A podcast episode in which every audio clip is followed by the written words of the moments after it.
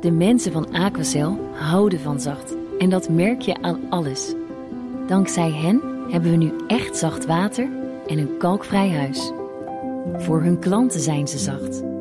Dat zijn ze trouwens ook voor elkaar. Voor ons zijn zij de kracht van zacht. Aquacel. 100% zacht water, 100% kalkvrij. In Nederland hebben we iets bijzonders. Iets wat ze verder nergens in de wereld hebben. Als in jouw gezin eh, iemand ziek is, dan blijft het hele gezin thuis, tenzij een van de leden werkt in de vitale sector. Een intelligente lockdown. Dat is eigenlijk een lockdown, maar dan een intelligente lockdown. Natuurlijk, de horeca en de kappers gingen dicht. Het is niet een volledige lockdown. Maar zelfs op het hoogtepunt van de eerste golf mocht iedereen gewoon naar buiten. Je houdt niet alle mensen thuis die gezond zijn, maar je zegt tegen gezinnen waar iemand ziek is: jullie blijven allemaal thuis. Blijf zoveel mogelijk thuis. Blijf zoveel mogelijk thuis. Werk thuis als dat kan. Als je op een gegeven moment thuis uit Nieuwehouten even een frisse neus haalt, kan dat. Naar de supermarkt ga je alleen. Nee, neem je kinderen mee. Zonder je kinderen. Zie je de supermarkt nog steeds allerlei mensen daar een uitje van maken. Dat is niet verstandig. Door dat soort zinnetjes op persconferenties eindeloos te herhalen, werd de opdracht van de regering er bij iedereen ingehamerd. Want die intelligentie, dat gaat niet over wat de regering deed. Dat ging over ons. Wij moesten intelligent met de situatie omgaan. Doe het een beetje intelligent. Heb nou niet de overheid nodig uh, om te zeggen hoe gaan we die anderhalve meter afstand uh, bewaken. Je zou kunnen zeggen dat de wekelijkse persconferenties die live op tv werden uitgezonden met miljoenen kijkers, dat dat onze lockdown was. Stilte op het Binnenhof is een podcast van BNR. Gemaakt door mij, Mark Beekhuis. En de verhalen die je hier hoort, die komen uit het gelijknamige boek van mijn collega's Sophie van Leeuwen en Laurens Boven. Aflevering 2. Gehypnotiseerd door persconferenties. Vanaf de winderige binnenplaats voor het ministerie van Justitie en Veiligheid. Binnen in de grote uh, hal, atrium heet het denk ik hè? Ja. Laurens Boven, uh, het ministerie van Justitie. Mijn zoon, die zou, uh, mijn zoontje, mijn jongste, die zou zeggen dat de ramen hier van goud zijn. Ja. Dit is allemaal een soort, een soort koperachtig uh, geel-bruinig. Maar dit noemt mijn zoon goud. Dus die zou helemaal onder de indruk zijn van deze hal. Maar dat is het ook. Het is een indrukwekkend grote hal eigenlijk. Straalt macht uit, hè? Ja. Ja, alleen de hal is al uh, vier, vijf verdiepingen hoog. En daarboven, je ziet hier glazen dak. En je ziet hier dus twee torens de Haagse lucht in torenen. De ene is het ministerie van Binnenlandse Zaken. Dat is die, die grijskleurige. En daar uh, meteen naast, dat zie je hier vanaf aan de, linkerkant, daar staat dus een rood-bruinkleurige. En dat is het ministerie van Justitie. En ze hebben dus uh, gezamenlijk één entree. Binnenlandse Zaken en Justitie. En uh, nou ja, dit, hier zit dus de, de perszaal hè? en de zaal van de MCCB. De MCCB, dat is de, het crisisoverleg van de ministeries, van de ministers. Ja, het crisiskabinet. En ja. de perszaal, dat is de zaal waar iedereen Irma Sluis heeft zien staan ja. met ministers daarvoor. Exact, exact. Ja, er zit hier op een van de etages, mij is even de, het cijfer ontschoten, ja. zit de zaal van het crisiskabinet. Die werd uh, te klein. Oh, omdat ze op afstand moesten blijven? Ja, dus toen hebben ze in de kantine, die toch leeg staat, hè, want hier werken duizenden mensen, maar nu niet vanwege de corona. Dus de kantine stond leeg. Hebben ze in de, uh, de kantine een, een, ja, een soort zijvleugel met wat gordijnen afgeschermd. Daar wat tafels tegen elkaar aangeschoven. En dat was dan de tafel waar vandaan de corona-uitbraak in Nederland is bestreden. En een paar etages lager, dus de perszaal, waar de besluiten aan de bevolking zijn uh, meegedeeld. Die twee plekken gaan wij zo bekijken. Ja. Eerst even, want we beginnen niet voor niks in de hal hier de allereerste persconferentie. Die ja. was helemaal niet boven. Nee, wat er normaal gesproken gebeurt als er ergens in dit gebouw een overleg is. Crisiskabinet, coalitieoverleg, van alles en nog wat kan hier natuurlijk af en toe plaatsvinden. Dan uh, verzamelt de pers zich hier in de hal. Er staan hier wat leren bankjes. Hier om de hoek staan wat heel ongemakkelijk zittende bankjes. Nou, daar hangen wij dus soms urenlang rond, wachtend tot in afwachting. een vergadering klaar was. Van de mededeling. Ja, en de eerste MCCB had geen persconferentie. Uh, toen stonden wij dus hier in de hal. En uh, ministers die lopen dan uh, de draaideuren en dan daar naar die lift aan de rechterkant van de hal. Nou, en wij staan dus hier ons strategisch opgesteld. En vangen ze dus op bij het binnenkomst of bij weggaan door gewoon een fysieke blokkade op te werpen. Dan gaan we er gewoon voor staan in de loop. journalisten en dan moeten ze omheen. De eerste MCCB die was op 3 maart. En ehm, toen stonden wij dus hier in de hal te wachten. En Rutte en Bruins, toen nog minister voor Medische Zorg, die kwamen naar beneden. En nou, dat was gewoon een klassieke oploop. Hè? Dus dat de pers schouder aan schouder zo in zo'n halfronde cirkel Wat rondom niet de meer de premier bedoeling stond. was. Ja, toen mocht dat nog. Oh, toen mocht ja, dat nog. toen stonden we nog niet. Hè, toen was de regel nog niet afstand houden. Dus toen stonden we nog gewoon alsof er niks aan de hand was. Te dringen rondom de premier met je microfoon in zijn gezicht duwend. eh, te wachten op hem en dus zijn statements op te nemen. En toen gebeurde er al iets bijzonders. Normaal gesproken bij dat soort oploopjes praat de premier met ons, met de pers. Wacht op vragen, geeft antwoord, kijkt je aan en geeft jouw antwoord. Bij die bijeenkomst, althans bij dat oploopje, kwam de premier aanlopen en hij begon meteen met een statement. Wat met elkaar besproken is dat we nu in een fase zitten dat we vooral bezig zijn die ziekte in te dammen. Wij hebben iets te melden. Hij sprak meteen niet meer ons aan, maar de kijkers thuis. Recht in de camera kijkend, bij wijze van spreken. Volgens mij deed hij dat zelfs. Ik kan me niet helemaal herinneren of hij dat deed, maar inderdaad, hij zei ook letterlijk. Het kan zijn dat de komende uren, de komende dagen, er nadere mededelingen komen, zoals ook de afgelopen dagen gebeurd is, over aantallen, over veranderingen in de aanpak eh, die nodig is om in die indampfase de zaak onder controle te houden. Dus houd ook de komende uren en dagen, wat dat betreft, eh, de media eh, eh, in de gaten. Houdt u de komende tijd de media in de gaten. Eh, met andere woorden, hij sprak niet met mij, hij sprak met de bevolking thuis. En dat is eigenlijk een kenmerk geweest van al die eh, statements die ze tegenover de pers hebben gehouden. Dat het niet ging om ons, niet ging om het bijpraten van de journalisten. Niet om ons aan informatie te helpen zodat wij ons werk konden doen. Hè, niet om onze vragen te beantwoorden. Maar om een mededeling te doen aan de bevolking. Om een bepaalde gedragsbeïnvloeding voor elkaar te krijgen. Vanaf het allereerste moment. Zullen wij ons eens even gaan melden bij eh, de receptie? Kijken of we met de lift naar boven Ja, mogen? laten we dat doen. Terwijl wij onze paspoorten laten controleren, wachten op de voorlichter van het ministerie en op de toegangspasjes die je nodig hebt om door dit gebouw te kunnen lopen, laat ik je een stukje van een persconferentie horen waarin Laurens diezelfde vraag voorlegde aan premier Rutte. Was het echt een persconferentie? Of sprak hij eigenlijk over de hoofden van de journalisten rechtstreeks tegen alle Nederlanders? Uw eerste toespraak hè, die is vaak vergeleken met die van Den Uyl. Eh, Dat is namelijk de vorige premier die een televisietoespraak heeft gehouden. Maar eigenlijk heeft u niet één televisietoespraak gehouden. U heeft u misschien wel twintig gehouden. Met die eh, persconferenties Nou ja, de MCCB. nou ja, zo kun je het ook zeggen. Ja. 7 miljoen Als jullie kijkers. het allemaal uitzenden, zijn het eh, tv-toespraken. Maar dat was niet mijn plan. Ja. Het plan was u toe te spreken. U zond het ook uit naar de bevolking. Ja, Was dat zo? Want ik ik had wel vaak het gevoel dat u eigenlijk een beetje over de hoofd van de pers met, het, met de bevolking communiceert in die persconferenties. Ja, weet ik niet. Ja, weet je, we- hebben hier een persconferentie. En, en de mensen kunnen het volgen, ik denk, op eh, politieke zenders en eh, websites. Volgens mij wordt dit niet live uitgezonden.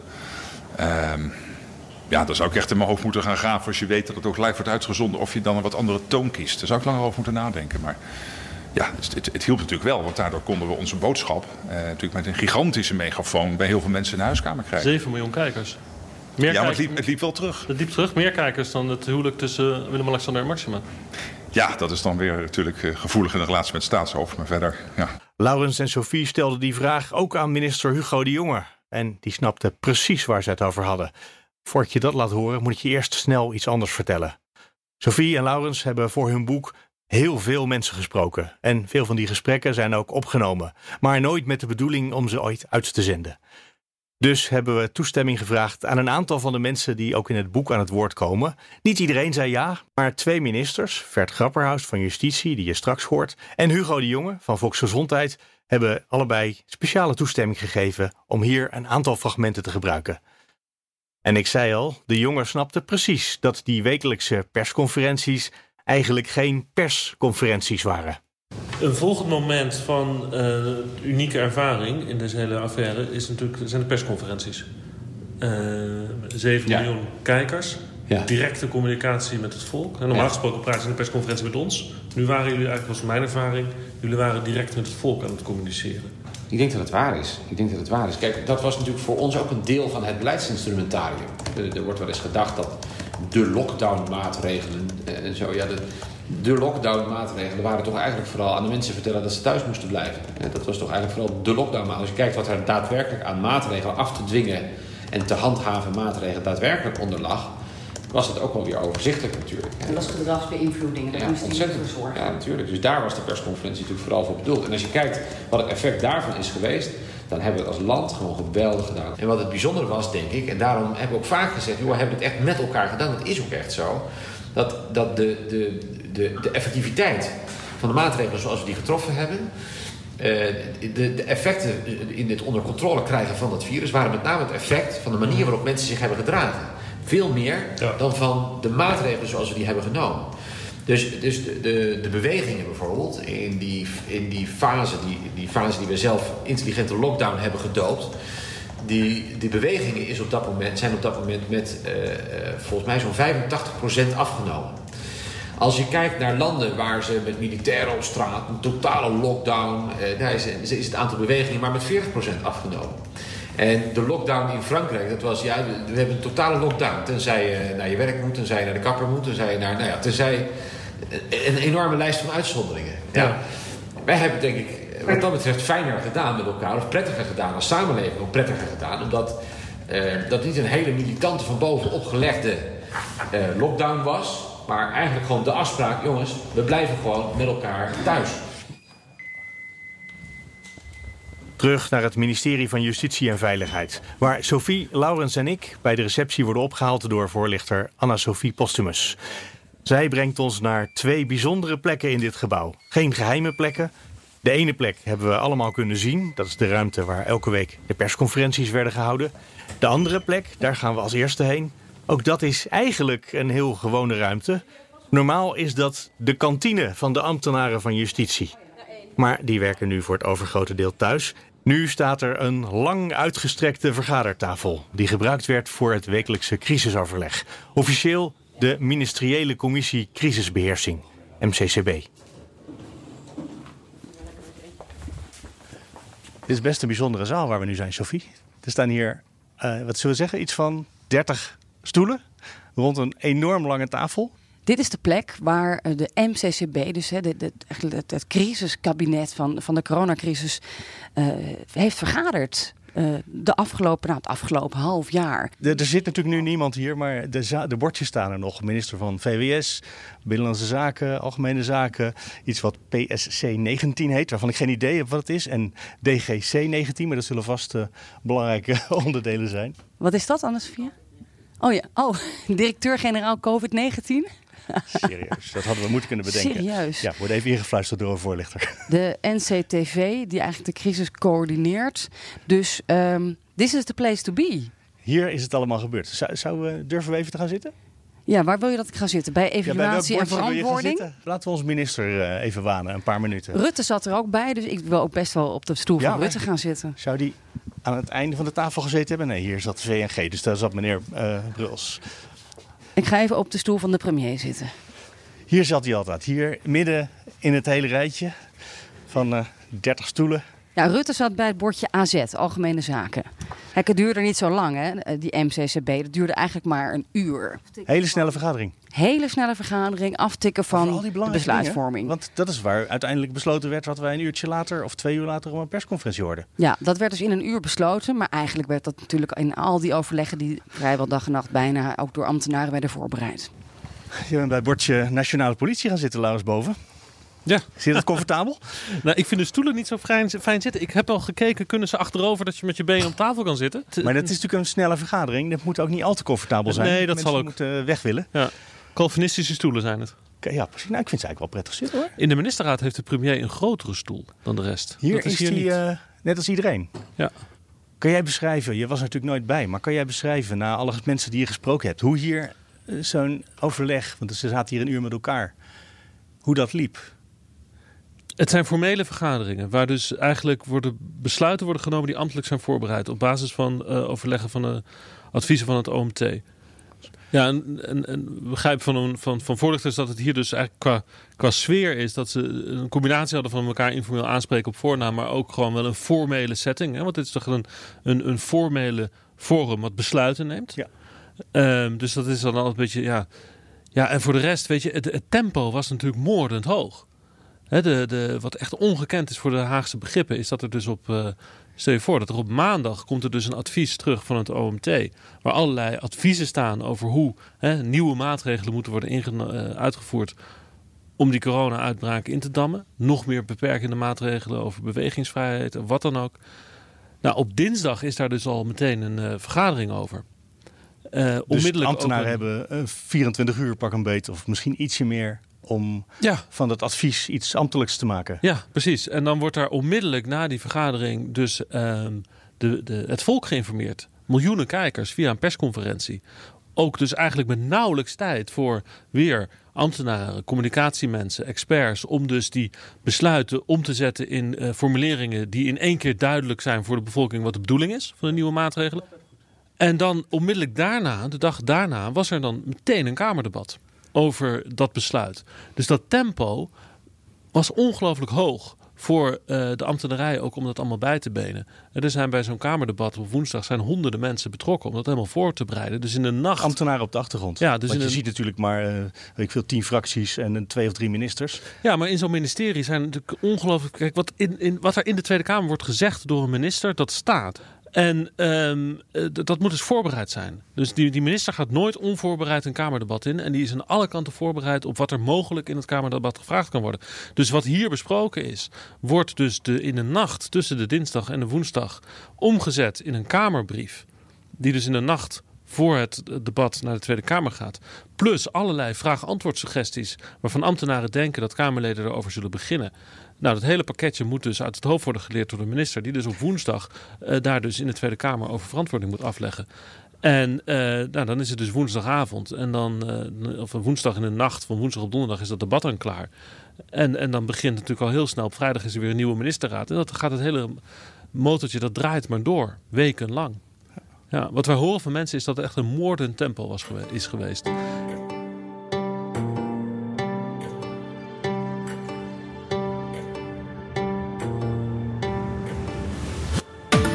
Steeds meer landen roepen een noodtoestand uit. Hoe ver zit Nederland daarvan af? Dat is voor Nederland, taxeer ik, niet noodzakelijk. Ik ben staatsrechtelijk niet precies onderlegd wat de voordelen zouden zijn van een noodtoestand. En of we dat precies kennen, dat zou ik moeten laten informeren. Maar op dit moment kan ik u zeggen dat de crisisorganisatie in staat is op basis van de bestaande wet en regelgeving alle noodzakelijke besluiten te nemen. Er is nergens iets geweest in de afgelopen paar weken waar ik dacht daar zit het staatsbestel of onze staatsinrichting of onze verantwoordelijkhedenverdeling bij in de weg.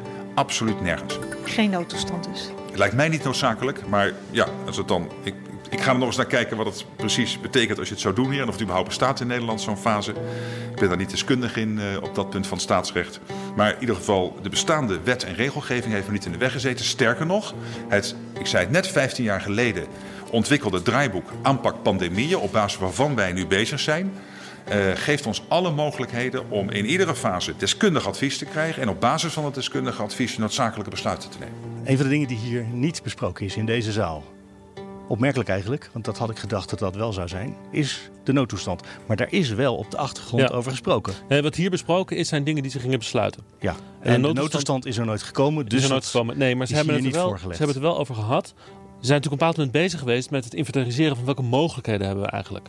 Wat moeten we doen juridisch? Wat kunnen we doen juridisch? En toen is er een overleg geweest met, uh, met Rutte en Grapperhaus, minister van Justitie, uh, met het hoofd juridische zaken van het ministerie. En die hebben zich laten voorlichten over het uitroepen van een noodtoestand. Over wat dat zou betekenen. Ja, en waarom wat kan daar, welke mogelijkheden biedt dat, hoe moet dat eigenlijk?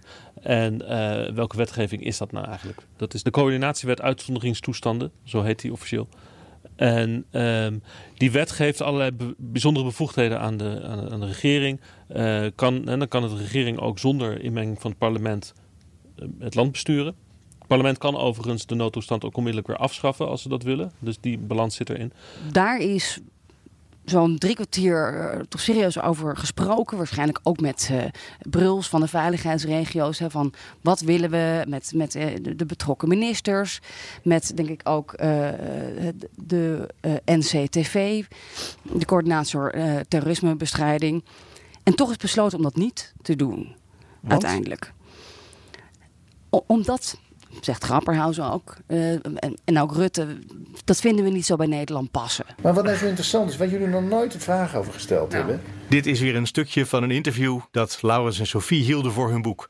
Zij spraken minister Vert Grapperhaus, die tijdens het gesprek zelf over de noodtoestand begon. Waar jullie nog nooit een vraag over gesteld hebben. Vertel. Van, hebben jullie niet overwogen om de noodtoestand in te stellen? Nou, vertel. Op Nee, nu moet je eerst de vraag stellen. Op welk moment heb je dat overwogen? En heb je, heb je dat serieus overwogen?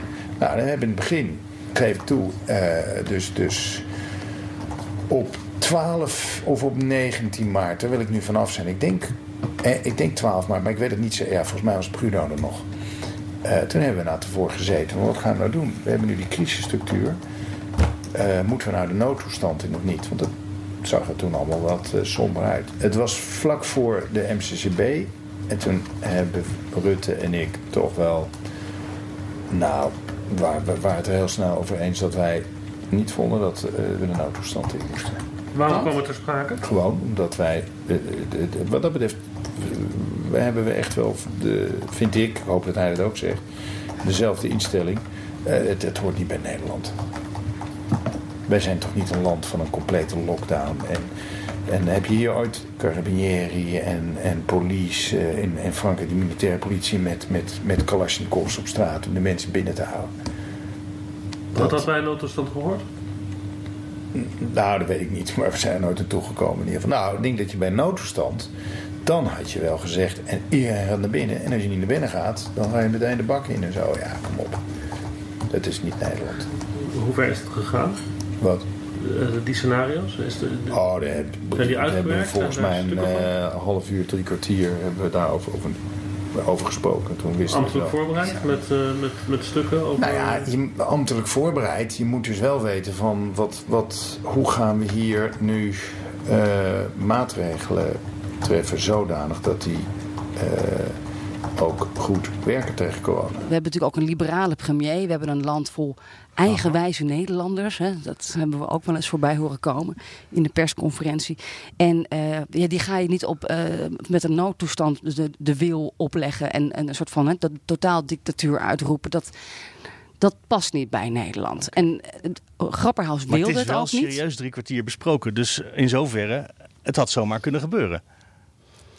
Nou, Grapperhaus wilde het eigenlijk vanaf het begin af aan niet. Niet. We- Ze hebben eigenlijk uh, toch wel altijd willen inzetten op een iets uh, uh, ja, lossere uh, lockdown met eigen verantwoordelijkheid. Door middel van natuurlijk die, die persconferenties hier in de Hondsrugzaal. Door middel van communicatie richting de burger. Blijf thuis, gedraag je.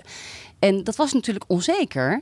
Want ja, zouden die Nederlanders wel luisteren naar de strenge toon van Rutte in de eerste persconferenties. En zou het niet ze... gewerkt hebben, dan zou altijd nog als een plan B die noodtoestand wel uitgeroepen hebben kunnen worden natuurlijk. Als het niet gewerkt uh, had ja. in de eerste golf van corona, dan was een noodtoestand natuurlijk een, een, een, tweede optie geweest. Dus die is besproken, maar die is in de eerste instantie niet ingezet. En um, het heeft goed genoeg gewerkt en is er dus ook niet, vooralsnog niet gekomen. En de tweede reden is dat het in Nederland eigenlijk niet zo heel erg nodig is om de noodtoestand uit te roepen.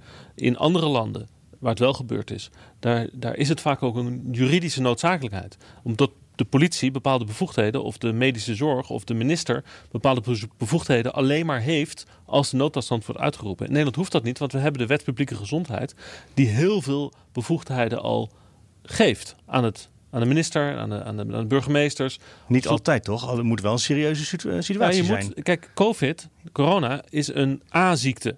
Dus oh, dat is een bepaalde tot, categorie en ja. dat maakt meteen en dat geeft, eigenlijk een soort halve noodtoestand. Ja, dat opent, zeg maar, dat is een sleutel op een slot die en, en achter die deur liggen dan extra bevoegdheden. Zoals? Nou, zoals bijvoorbeeld ook het uh, verplicht quarantaine opleggen aan mensen. Dat zit in de wet publieke gezondheid. Daar dat heb je kunnen de we gewoon gaan doen. Ja, daar heb je de noodtoestand helemaal niet voor nodig. En zo zijn er heel veel. Eigenlijk alles wat er gebeurd is, gebeurt op basis van de wet publieke gezondheid.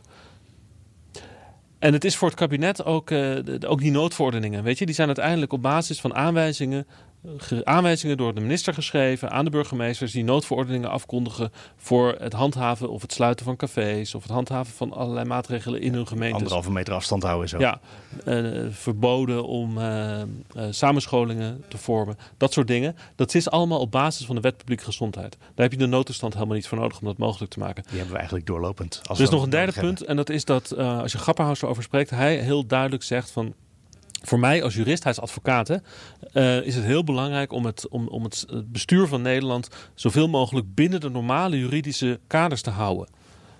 Normale procedures, parlement, controleert regering. En uh, het, het, steekt hem ook dat ze zo lang met noodverordeningen, dat zegt hij althans, moeten regeren. En daarom wil hij ook zo snel mogelijk die tijdelijke wet COVID er doorheen hebben. Zodat het parlement weer de rol krijgt die het hoort te hebben in een democratie. Volgens mij hoorde ik hem zeggen, als de mensen die wet niet willen, dan kunnen we het ook met die noodverordeningen. Maar eigenlijk is het niet wat we willen. Exact, zo staat Grapperhaus erin. Ja. ja, en vanuit dat, dat speelde mee in zijn overweging waarom die noodtoestand niet de weg is die we moeten gaan in Nederland. We laten de ruimte van het crisisoverleg achter ons en stappen weer in de lift. Laurens en Sophie in één lift. Voorlichter Anna-Sophie Postumus en ik in de andere. Want in dit ministerie mogen nu maar maximaal twee mensen in één lift. En dan komen we op de plek waar de eigenlijke lockdown vorm kreeg. De hondsrugzaal, waar na elk crisisoverleg de persconferentie werd gegeven. We staan nu tussen de stoeltjes waar dan al de journalisten zaten. Al die stoeltjes staan er nog, maar de meeste zijn afgekruist. Zoals je dat eh, verwacht, dat je niet overal kan gaan zitten. Maar volgens mij moeten we niet hier beginnen op de plek waar jullie zaten te wachten op de persconferentie. Maar achter die deur die daar links is. Zullen we daar eens even gaan kijken? Ja. Waar je dan komt? Want dat is natuurlijk hoe de persconferentie op televisie begon. Dan zie je eerst keek je over de hoofden van de journalisten heen naar twee lege desks die hier gewoon nog staan. En het podiumpje voor de gebarentolk. Hier stonden ze te wachten tot het 7 uur exact was en de deur open ging. Ja, hier stonden dan uh, zeker in het begin wat gespannen premier Rutte en dan minister Hugo de Jonge te wachten tot die deur openschuift zo over het tapijt. Je kunt hem ook horen als je goed luistert. Het wachten tot het uh, stipt 7 uur was en de deur zo over het tapijt openschuift naar de plek waar de persconferentie hij hangt inderdaad een beetje te laag. Hij schuift over de grond, over het vloerbedekking. Het gaaf om hier zelf een keer te lopen en dan te voelen hoe dat is. Ik ga even achter het katheder van uh, premier Rutte staan. Landgenoten, wat zegt hij? Goedenavond. Hij zegt goedenavond. Ja, hij zegt niet landgenoten. Zit ik weer Jan aan te citeren. Goedenavond. En dan moet hij dus heel serieus kijken. Dat vindt Rutte ook volgens mij best wel moeilijk, want dat is best een vrolijke man. Goedenavond. Zou, zou die daarop in de deuropening hebben staan? Even van, eh, nu moet ik weer even geconcentreerd het land in kijken. Ik denk dat hij dan een moment moet focussen op zijn blik. Die heel duidelijk, dat is toch altijd een beetje theater natuurlijk, serieus, uh, op serieus staat. En die dan recht de camera's inkijkt, die dan hier voor mij staan. En uh, nou, soms wel 7 miljoen kijkers natuurlijk uh, bereikt, direct toespreekt. 7 miljoen? En dan moet hij dus even, even nadenken. Ik moet serieus deze boodschap overbrengen. Ook niet te snel praten. Want het gaat erom natuurlijk dat de maatregelen die ik hier afkondig, dat mensen dat gaan opvolgen. Dat mensen dat uitvoeren, zodat het virus zich niet verder verspreidt. Je zegt ook iets heel belangrijks. Want we hebben natuurlijk wat dan de intelligente lockdown heet in Nederland gehad. Die eigenlijk helemaal geen lockdown was, want iedereen mocht gewoon naar buiten. Eh, niet zoals in eh, Frankrijk, dat je de straat niet op mocht, officieel. Uh, in zekere zin was misschien deze persconferentie wel de lockdown. Hè? Dat mensen hier aangepraat werd: er is een probleem en jullie gedrag is de oplossing. In feite was dit de intelligente lockdown. Dit is de, de gedragsbeïnvloeding, hè, die dus uh, de verspreiding van het virus moet, moet stoppen. mensen overtuigen dat ze afstand houden of thuis blijven en, en uh, alles uh, opvolgen wat, wat wij hier vertellen. Je staat heel natuurlijk achter die desk, zie ik trouwens. Maar hier gebeurde het dus, Mark. En um, dit waren natuurlijk historische momenten in onze geschiedenis. En achter mij zie je dus die grote ja, poster. Alleen samen krijgen wij corona onder controle. Dat is een poster van de Rijksoverheid. Uh, lichtblauw met uh, witte, grijze, oranje letters.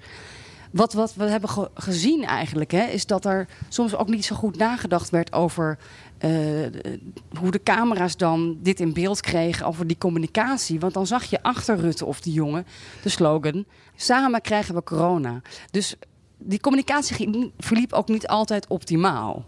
Maar dat je- is ook weer de haast natuurlijk die als je een crisis hebt, ja, waar je gewoon mee te maken hebt.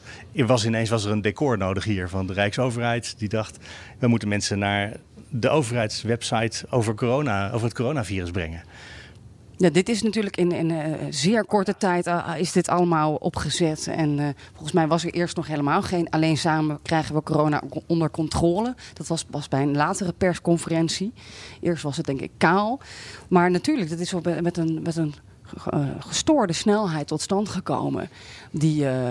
die lockdown, die persconferenties. Maar al heel snel was het iedereen in, natuurlijk in Nederland eraan gewend. Dat wij eh, om de zoveel dagen braaf thuis of op de iPad eh, op eh, live moesten drukken. moesten kijken, ja. En dan moesten kijken wat de premier ons nu weer te vertellen had. Had je hier een vaste plek eigenlijk? Want we hebben hier natuurlijk ook die eh 40 stoeltjes of zo. Er zijn wel een soort van vaste plekken. Dat is niet echt officieel, maar je ziet dan vaak de NOS hier. Dus op links voor Hugo de Jonge. En RTL hier rechts vooraan. En die stellen Dus de vaak twee ook... grootste nieuwszenders eh, heel prominent in de zaal. Ja, en ook vaak prominent de eerste vraag stellen. De eerste vraag van is Albert. bijna altijd van de NOS geweest. Ja, Albert Bos vaak de eerste vraag. En ik ga eigenlijk altijd achteraan zitten, omdat ik eh, tijdens de persconferentie naar buiten moet rennen. Om live verslag te doen van wat er zojuist is gezegd. Of een beetje te duiden wat hier is gezegd. Want iedereen kan natuurlijk meeluisteren. Dus ik ga bewust niet voor aanzitten. Want dan zie je zo'n rennende verslaggever misschien in beeld. Dat zou ook een beetje gek zijn. zaten jullie dan met z'n tweeën? Laurens zit nu op de stoel die je net aanwees, denk ik. Ja, ik zat altijd hier. Eh, Links achter in de zaal. links achter in de zaal. Hé, hey, ik zat ook altijd daar. Wat toevallig. Dat wist ik helemaal niet van Dat is jou. Cultuur kennelijk. Nee, we zitten er nooit samen. Dat mag ook niet. Er mag van elk medium maar één journalist komen. Oh, want er zijn natuurlijk niet zoveel plekken. Precies. En wij Ja. moeten ons ook aan de coronaregels houden, voor zover dat mogelijk is. Dus wij moeten afstand houden. Dus één stoel tussen ons en eh, maar eh, in je eentje. En het ehm, eh, was altijd een beetje, in het begin altijd een beetje vervelend, want ik zit helemaal achterin. En voordat de woordvoerder dus mij ziet dat ik ook een vraag wil stellen, was, waren we vrij ver in de persconferentie gevorderd. Dus heel vaak was ik pas aan de beurt met mijn vragen stellen. Nadat ik dus de zaal uitgelopen was om op Ja. zender uit te leggen wat er gezegd was. En dan kwam ik terug en dan had ik hier een beetje een probleem. Van ja, dan moet ik een vraag stellen. Maar ik weet niet wat er in de tussentijd gebeurd is. Terwijl ik de Of je vraag al beantwoord is. ja, precies. Dus op een bepaald moment heb ik tegen de, de woordvoerder gezegd van... hoor eens, ehm, NOS en RTL, SBS, die krijgen altijd als eerste de vraag... omdat die live uitzenden. Maar wij zenden ook live uit. Dus ik wil eerder in de rij. Nou, en toen heb ik, kwam ik dus voortaan direct naar RTL aan de beurt... en kon ik daarna meteen eh, dus de, de, de zaal uitlopen op zender op vertellen. zender... eh, ja. Dat levert ook een beter verslag op. ja, dat klopt. Als je ja. jouw vraag geduid Maar het was dus, weet je wat hier dus gebeurde? Hè, was dus natuurlijk een, een, een- een, deel ook gecoördineerde afspraak tussen de media en, en de mensen die hier die verhalen hielden. Hè, we- zij willen dat, dat het allemaal live uitgezonden wordt, want zij willen directe toegang tot Ja. de Nederlandse bevolking hebben. En wij willen natuurlijk dat op zo'n prettige manier op zender krijgen. Eh, en ook dat het bij ons goed klinkt. Dus, dus dat was een beetje een heen en weer dat de belangen goed werden. Want het klinkt altijd een beetje alsof er geïmproviseerd wordt. Hè? Alsof ze even iemand aanwijzen van... oh, eh, nou, eh, NOS, RTL, kom maar door met je vraag. Nou, we Maar weten dat is helemaal eigenlijk geregisseerd. Nou, niet helemaal. Niet helemaal. En de, ik bedoel, de vragen zijn natuurlijk wel een, een verrassing voor de mensen die. Hè, dus dat is niet afgesproken van tevoren welke vragen er worden gesteld. Maar dat betekent niet dat ze maar wat doen. Er wordt hier heel nauwkeurig nagedacht over wat hier gezegd is. Hè, deze persconferenties waren bedoeld en gericht op eh, de Nederlanders de maatregelen laten uitvoeren. Was geen noodtoestand, maar het was wel de bedoeling dat de Nederlanders deden wat er gewenst werd. Dus wat hier gezegd was, werd echt heel goed over nagedacht. Het was ook afgestemd, er waren opiniepeilingen op basis waarvan eh, de boodschap vormgegeven werd. Er werd van tevoren getest. Klopt deze tekst? Komt die aan? Dat soort dingen. Ja, dat zat allemaal. Weet je, en, maar ook onderzocht van eh, waar zijn mensen bang voor? Wat voor soort informatie willen mensen? Eh, gaat het feitelijkheden over het virus? Of moeten we juist heel erg de nadruk geven op wat mensen wel en niet mogen doen? D- dat soort dingen zaten in onderzoeken en opiniepeilingen elke paar weken. Nou, en dat werd allemaal gebruikt. En hier natuurlijk. Dit, was een hele serieuze bijeenkomst. Moet je niet onderschatten. Dit was cruciaal wat hier in deze zaal gebeurde voor de bestrijding van het coronavirus in Nederland. Dus hier werd niks aan het toeval overgelaten. Dus de, de, de, de bijeenkomsten vonden direct plaats na de ministerraad. Hè, de MCCB, het crisiskabinet, een paar etages hierboven. Nou, en daar zat dan een paar, anderhalf uur tussen of zo. En in die anderhalf uur werden toespraken eh, voorbereid. Werden vraag-antwoord eh, sessies die de woordvoerders van de ministers hadden bedacht van nou, dit zullen de journalisten wel ongeveer vragen. Vraag-antwoord schema's werden uit het hoofd geleerd door de ministers. Zodat ze echt hier voorbereid waren om op hun boodschap hun verhaal te kunnen, kunnen doen. Wetende dat letterlijk de helft van de bevolking keek. Ik begrijp dat er ook is onderzocht of mensen überhaupt snapten wat er gezegd is. Ja, alles is onderzocht, uh, natuurlijk. Of, of, ja. Nou ja, je zegt natuurlijk, maar ik had me dat niet gerealiseerd. Dat blijft thuis, dat dat geresearched is, die zin. Ja, nou, het is wel grappig. Ik zeg ook natuurlijk. Um, ik ging ervan uit dat het onderzocht zou worden. Um, het bleek, dat was wel heel grappig. Wij kregen op een bepaald moment door, zo tegen de zomer, dat er elke twee weken een onderzoek werd gedaan, een peiling.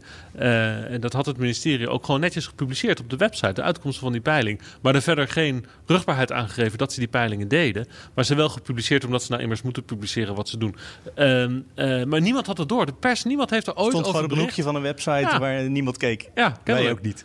Nou, het wel op een belangrijke plek, namelijk gewoon bij alles wat het ministerie publiceert. Maar daar keken we dus niet goed nauwkeurig genoeg naar. Ah. Niemand van de pers had door dat er elke twee weken flitspeilingen werden gepubliceerd. Waar gewoon heel nauwkeurig in stond wat het, de gemoedstoestand was van de Nederlandse bevolking over het coronavirus. Hebben we gewoon gemist als pers dat de Rijksoverheid die peilingen deed. Oh, en daar staat de... dus in waar we bang voor zijn. Daar staat in ja. uh, wat we vonden van de maatregelen. Ja. Of we het flauwekul vonden of ja. serieus namen. Dat soort dingen. En daar werd dus de boodschap op gebaseerd op het de uitkomsten van die peilingen? Uit peilingen vandaag bleek dat mensen ja, de communicatie van het kabinet niet altijd uh, optimaal vinden. Onbegrijpelijk. Dat, uh, wat gaat u daaraan doen? Ik zie ook dat u begint met uh, woorden als uh, met de deur in huis vallen. U, u, praat wat langzamer misschien. Oh. Ja, maar even, het is natuurlijk niet zo... Die zag ik even niet aankomen. Het, het, uiteindelijk zal die communicatie nooit perfect zijn. We doen ons best, we, we, hebben de feiten, we proberen die met jullie en via jullie met Nederland uh, te delen. Op basis daarvan de maatregelen. Uh, maar ik heb één ding geleerd in de politiek. Uiteindelijk zal altijd de kritiek blijven. Uh, het was te laat en de communicatie was niet goed. Dat is onvermijdelijk, omdat het zo uitermate complex is. Maar we doen er ons uiterste best voor. Er zaten gedragswetenschappers zelfs in het project. Het waren niet alleen maar opiniepeilingen. Vertel daar zo. Ja, gericht op de communicatie. Dus uh, uh, de, de, als je het publiek wil beïnvloeden met je boodschap, dan moet je natuurlijk heel goed nadenken over wat je dan eigenlijk zegt. Als je wil bereiken dat mensen uh, niet te veel op straat gaan, niet te veel dit doen, niet te veel dat doen, dan je moet de boodschap positief formuleren. Dat is wat de gedragswetenschappers hier, de communicatiemensen, hebben duidelijk gemaakt. Zeg wat je wel verwacht van mensen. Zeg niet, ga niet naar buiten, maar zeg, blijf thuis. Formuleer het op zo'n manier dat mensen weten wat ze moeten doen. Begin ook je toespraak altijd met een compliment. Ja, dank. Uh, goed u te zien. Goed dat u ook allemaal zelf de anderhalve meter afstand zo te zien uh, handhaaft. Uh, zo moet dat. beste mensen, ook ik begin met echt eerst een compliment te maken aan het overgrote deel van Nederland wat zich goed houdt aan die maatregelen. Dat kan ik niet genoeg benadrukken. Zeg dus wat goed gaat. Spreek dus niet die groep aan die het niet goed doet. Want dat kan impliciet de boodschap aan de burgers duidelijk maken dat. Hè, omdat, hè, dan zitten mensen. Oh, er zijn meer mensen die zich er niet aan houden. Nou, ja. dan hoef ik ook niet. Precies. Mensen zitten thuis die denken van: oh, wacht even. Rutte begint met het verhaal om mensen op een kop te geven. Nou, dan zullen wel heel veel mensen dat niet doen. Nou, dan doe ik het natuurlijk ook niet meer. Ja. Die houding. Dus begin met dat het goed gaat. Be begin eerst te benoemen wat je goed vindt gaan in de bevolking. En kom daarna met wat misschien wat beter kan. Communicatie van de overheid met de burgers was dus veruit het belangrijkste instrument om het virus in bedwang te krijgen. In het derde en laatste deel van Stilte op het Binnenhof blijven we daarom bij dat thema. Want er gebeurde nog veel meer op televisie. Bij de talkshows. En het duurde even voor de journalisten daar door hadden wat ze overkomen was. Dat de volgende keer. Dit was het tweede deel van Stilte op het Binnenhof. Deze podcast hoort bij het boek Stilte op het Binnenhof, Politiek in coronatijd. Het boek is geschreven door mijn collega's Laurens Boven en Sophie van Leeuwen. Samen zijn zij de parlementaire redactie van BNR Nieuwsradio. En dit jaar werden ze uitgenodigd om Nieuwsport-rapporteur te zijn. Dat is een initiatief van het pers- en debatcentrum Nieuwsport in Den Haag. Dat zo een bijdrage wil leveren aan het debat over de verhouding tussen journalistiek, politiek en lobby. Het boek Stilte op het Binnenhof is een uitgave van uitgeverij Balans en ligt inmiddels in de boekwinkel. In deze podcast vertellen we een aantal van de dingen die Laurens en Sophie bij hun research voor hun boek aan het licht hebben gebracht en de inzichten die ze opdeden over wat er gebeurt met de politiek als er een pandemie losbarst. Ze hebben tientallen mensen uitgebreid gesproken, dus in het boek lees je veel meer dan we hier in deze podcast kunnen vertellen. Deze podcast is een productie van BNR, gemaakt door mij, Mark Beekhuis. Veel dank aan Laurens en Sophie, die hard hebben meegedacht en meegewerkt bij het maken van de podcast. De titelmuziek werd gemaakt door André Dortmund. Dit was het tweede deel. Wil je ook de andere delen horen? Abonneer je dan op de podcast Nieuwsroom Den Haag, waarin we alle drie de afleveringen publiceren. Abonneren kan in alle podcast-apps en natuurlijk in de app van BNR. Op sommige plekken kun je een review achterlaten, als je dat zou willen doen. Heel graag. Dan help je ook andere mensen om deze podcast weer makkelijker te vinden. Dus als je dat doet, dank je wel daarvoor. En dank voor het luisteren.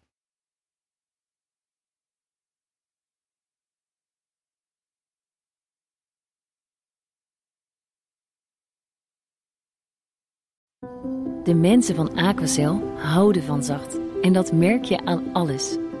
Dankzij hen hebben we nu echt zacht water en een kalkvrij huis. Voor hun klanten zijn ze zacht. Dat zijn ze trouwens ook voor elkaar. Voor ons zijn zij de kracht van zacht. Aquacel. 100% zacht water, 100% kalkvrij.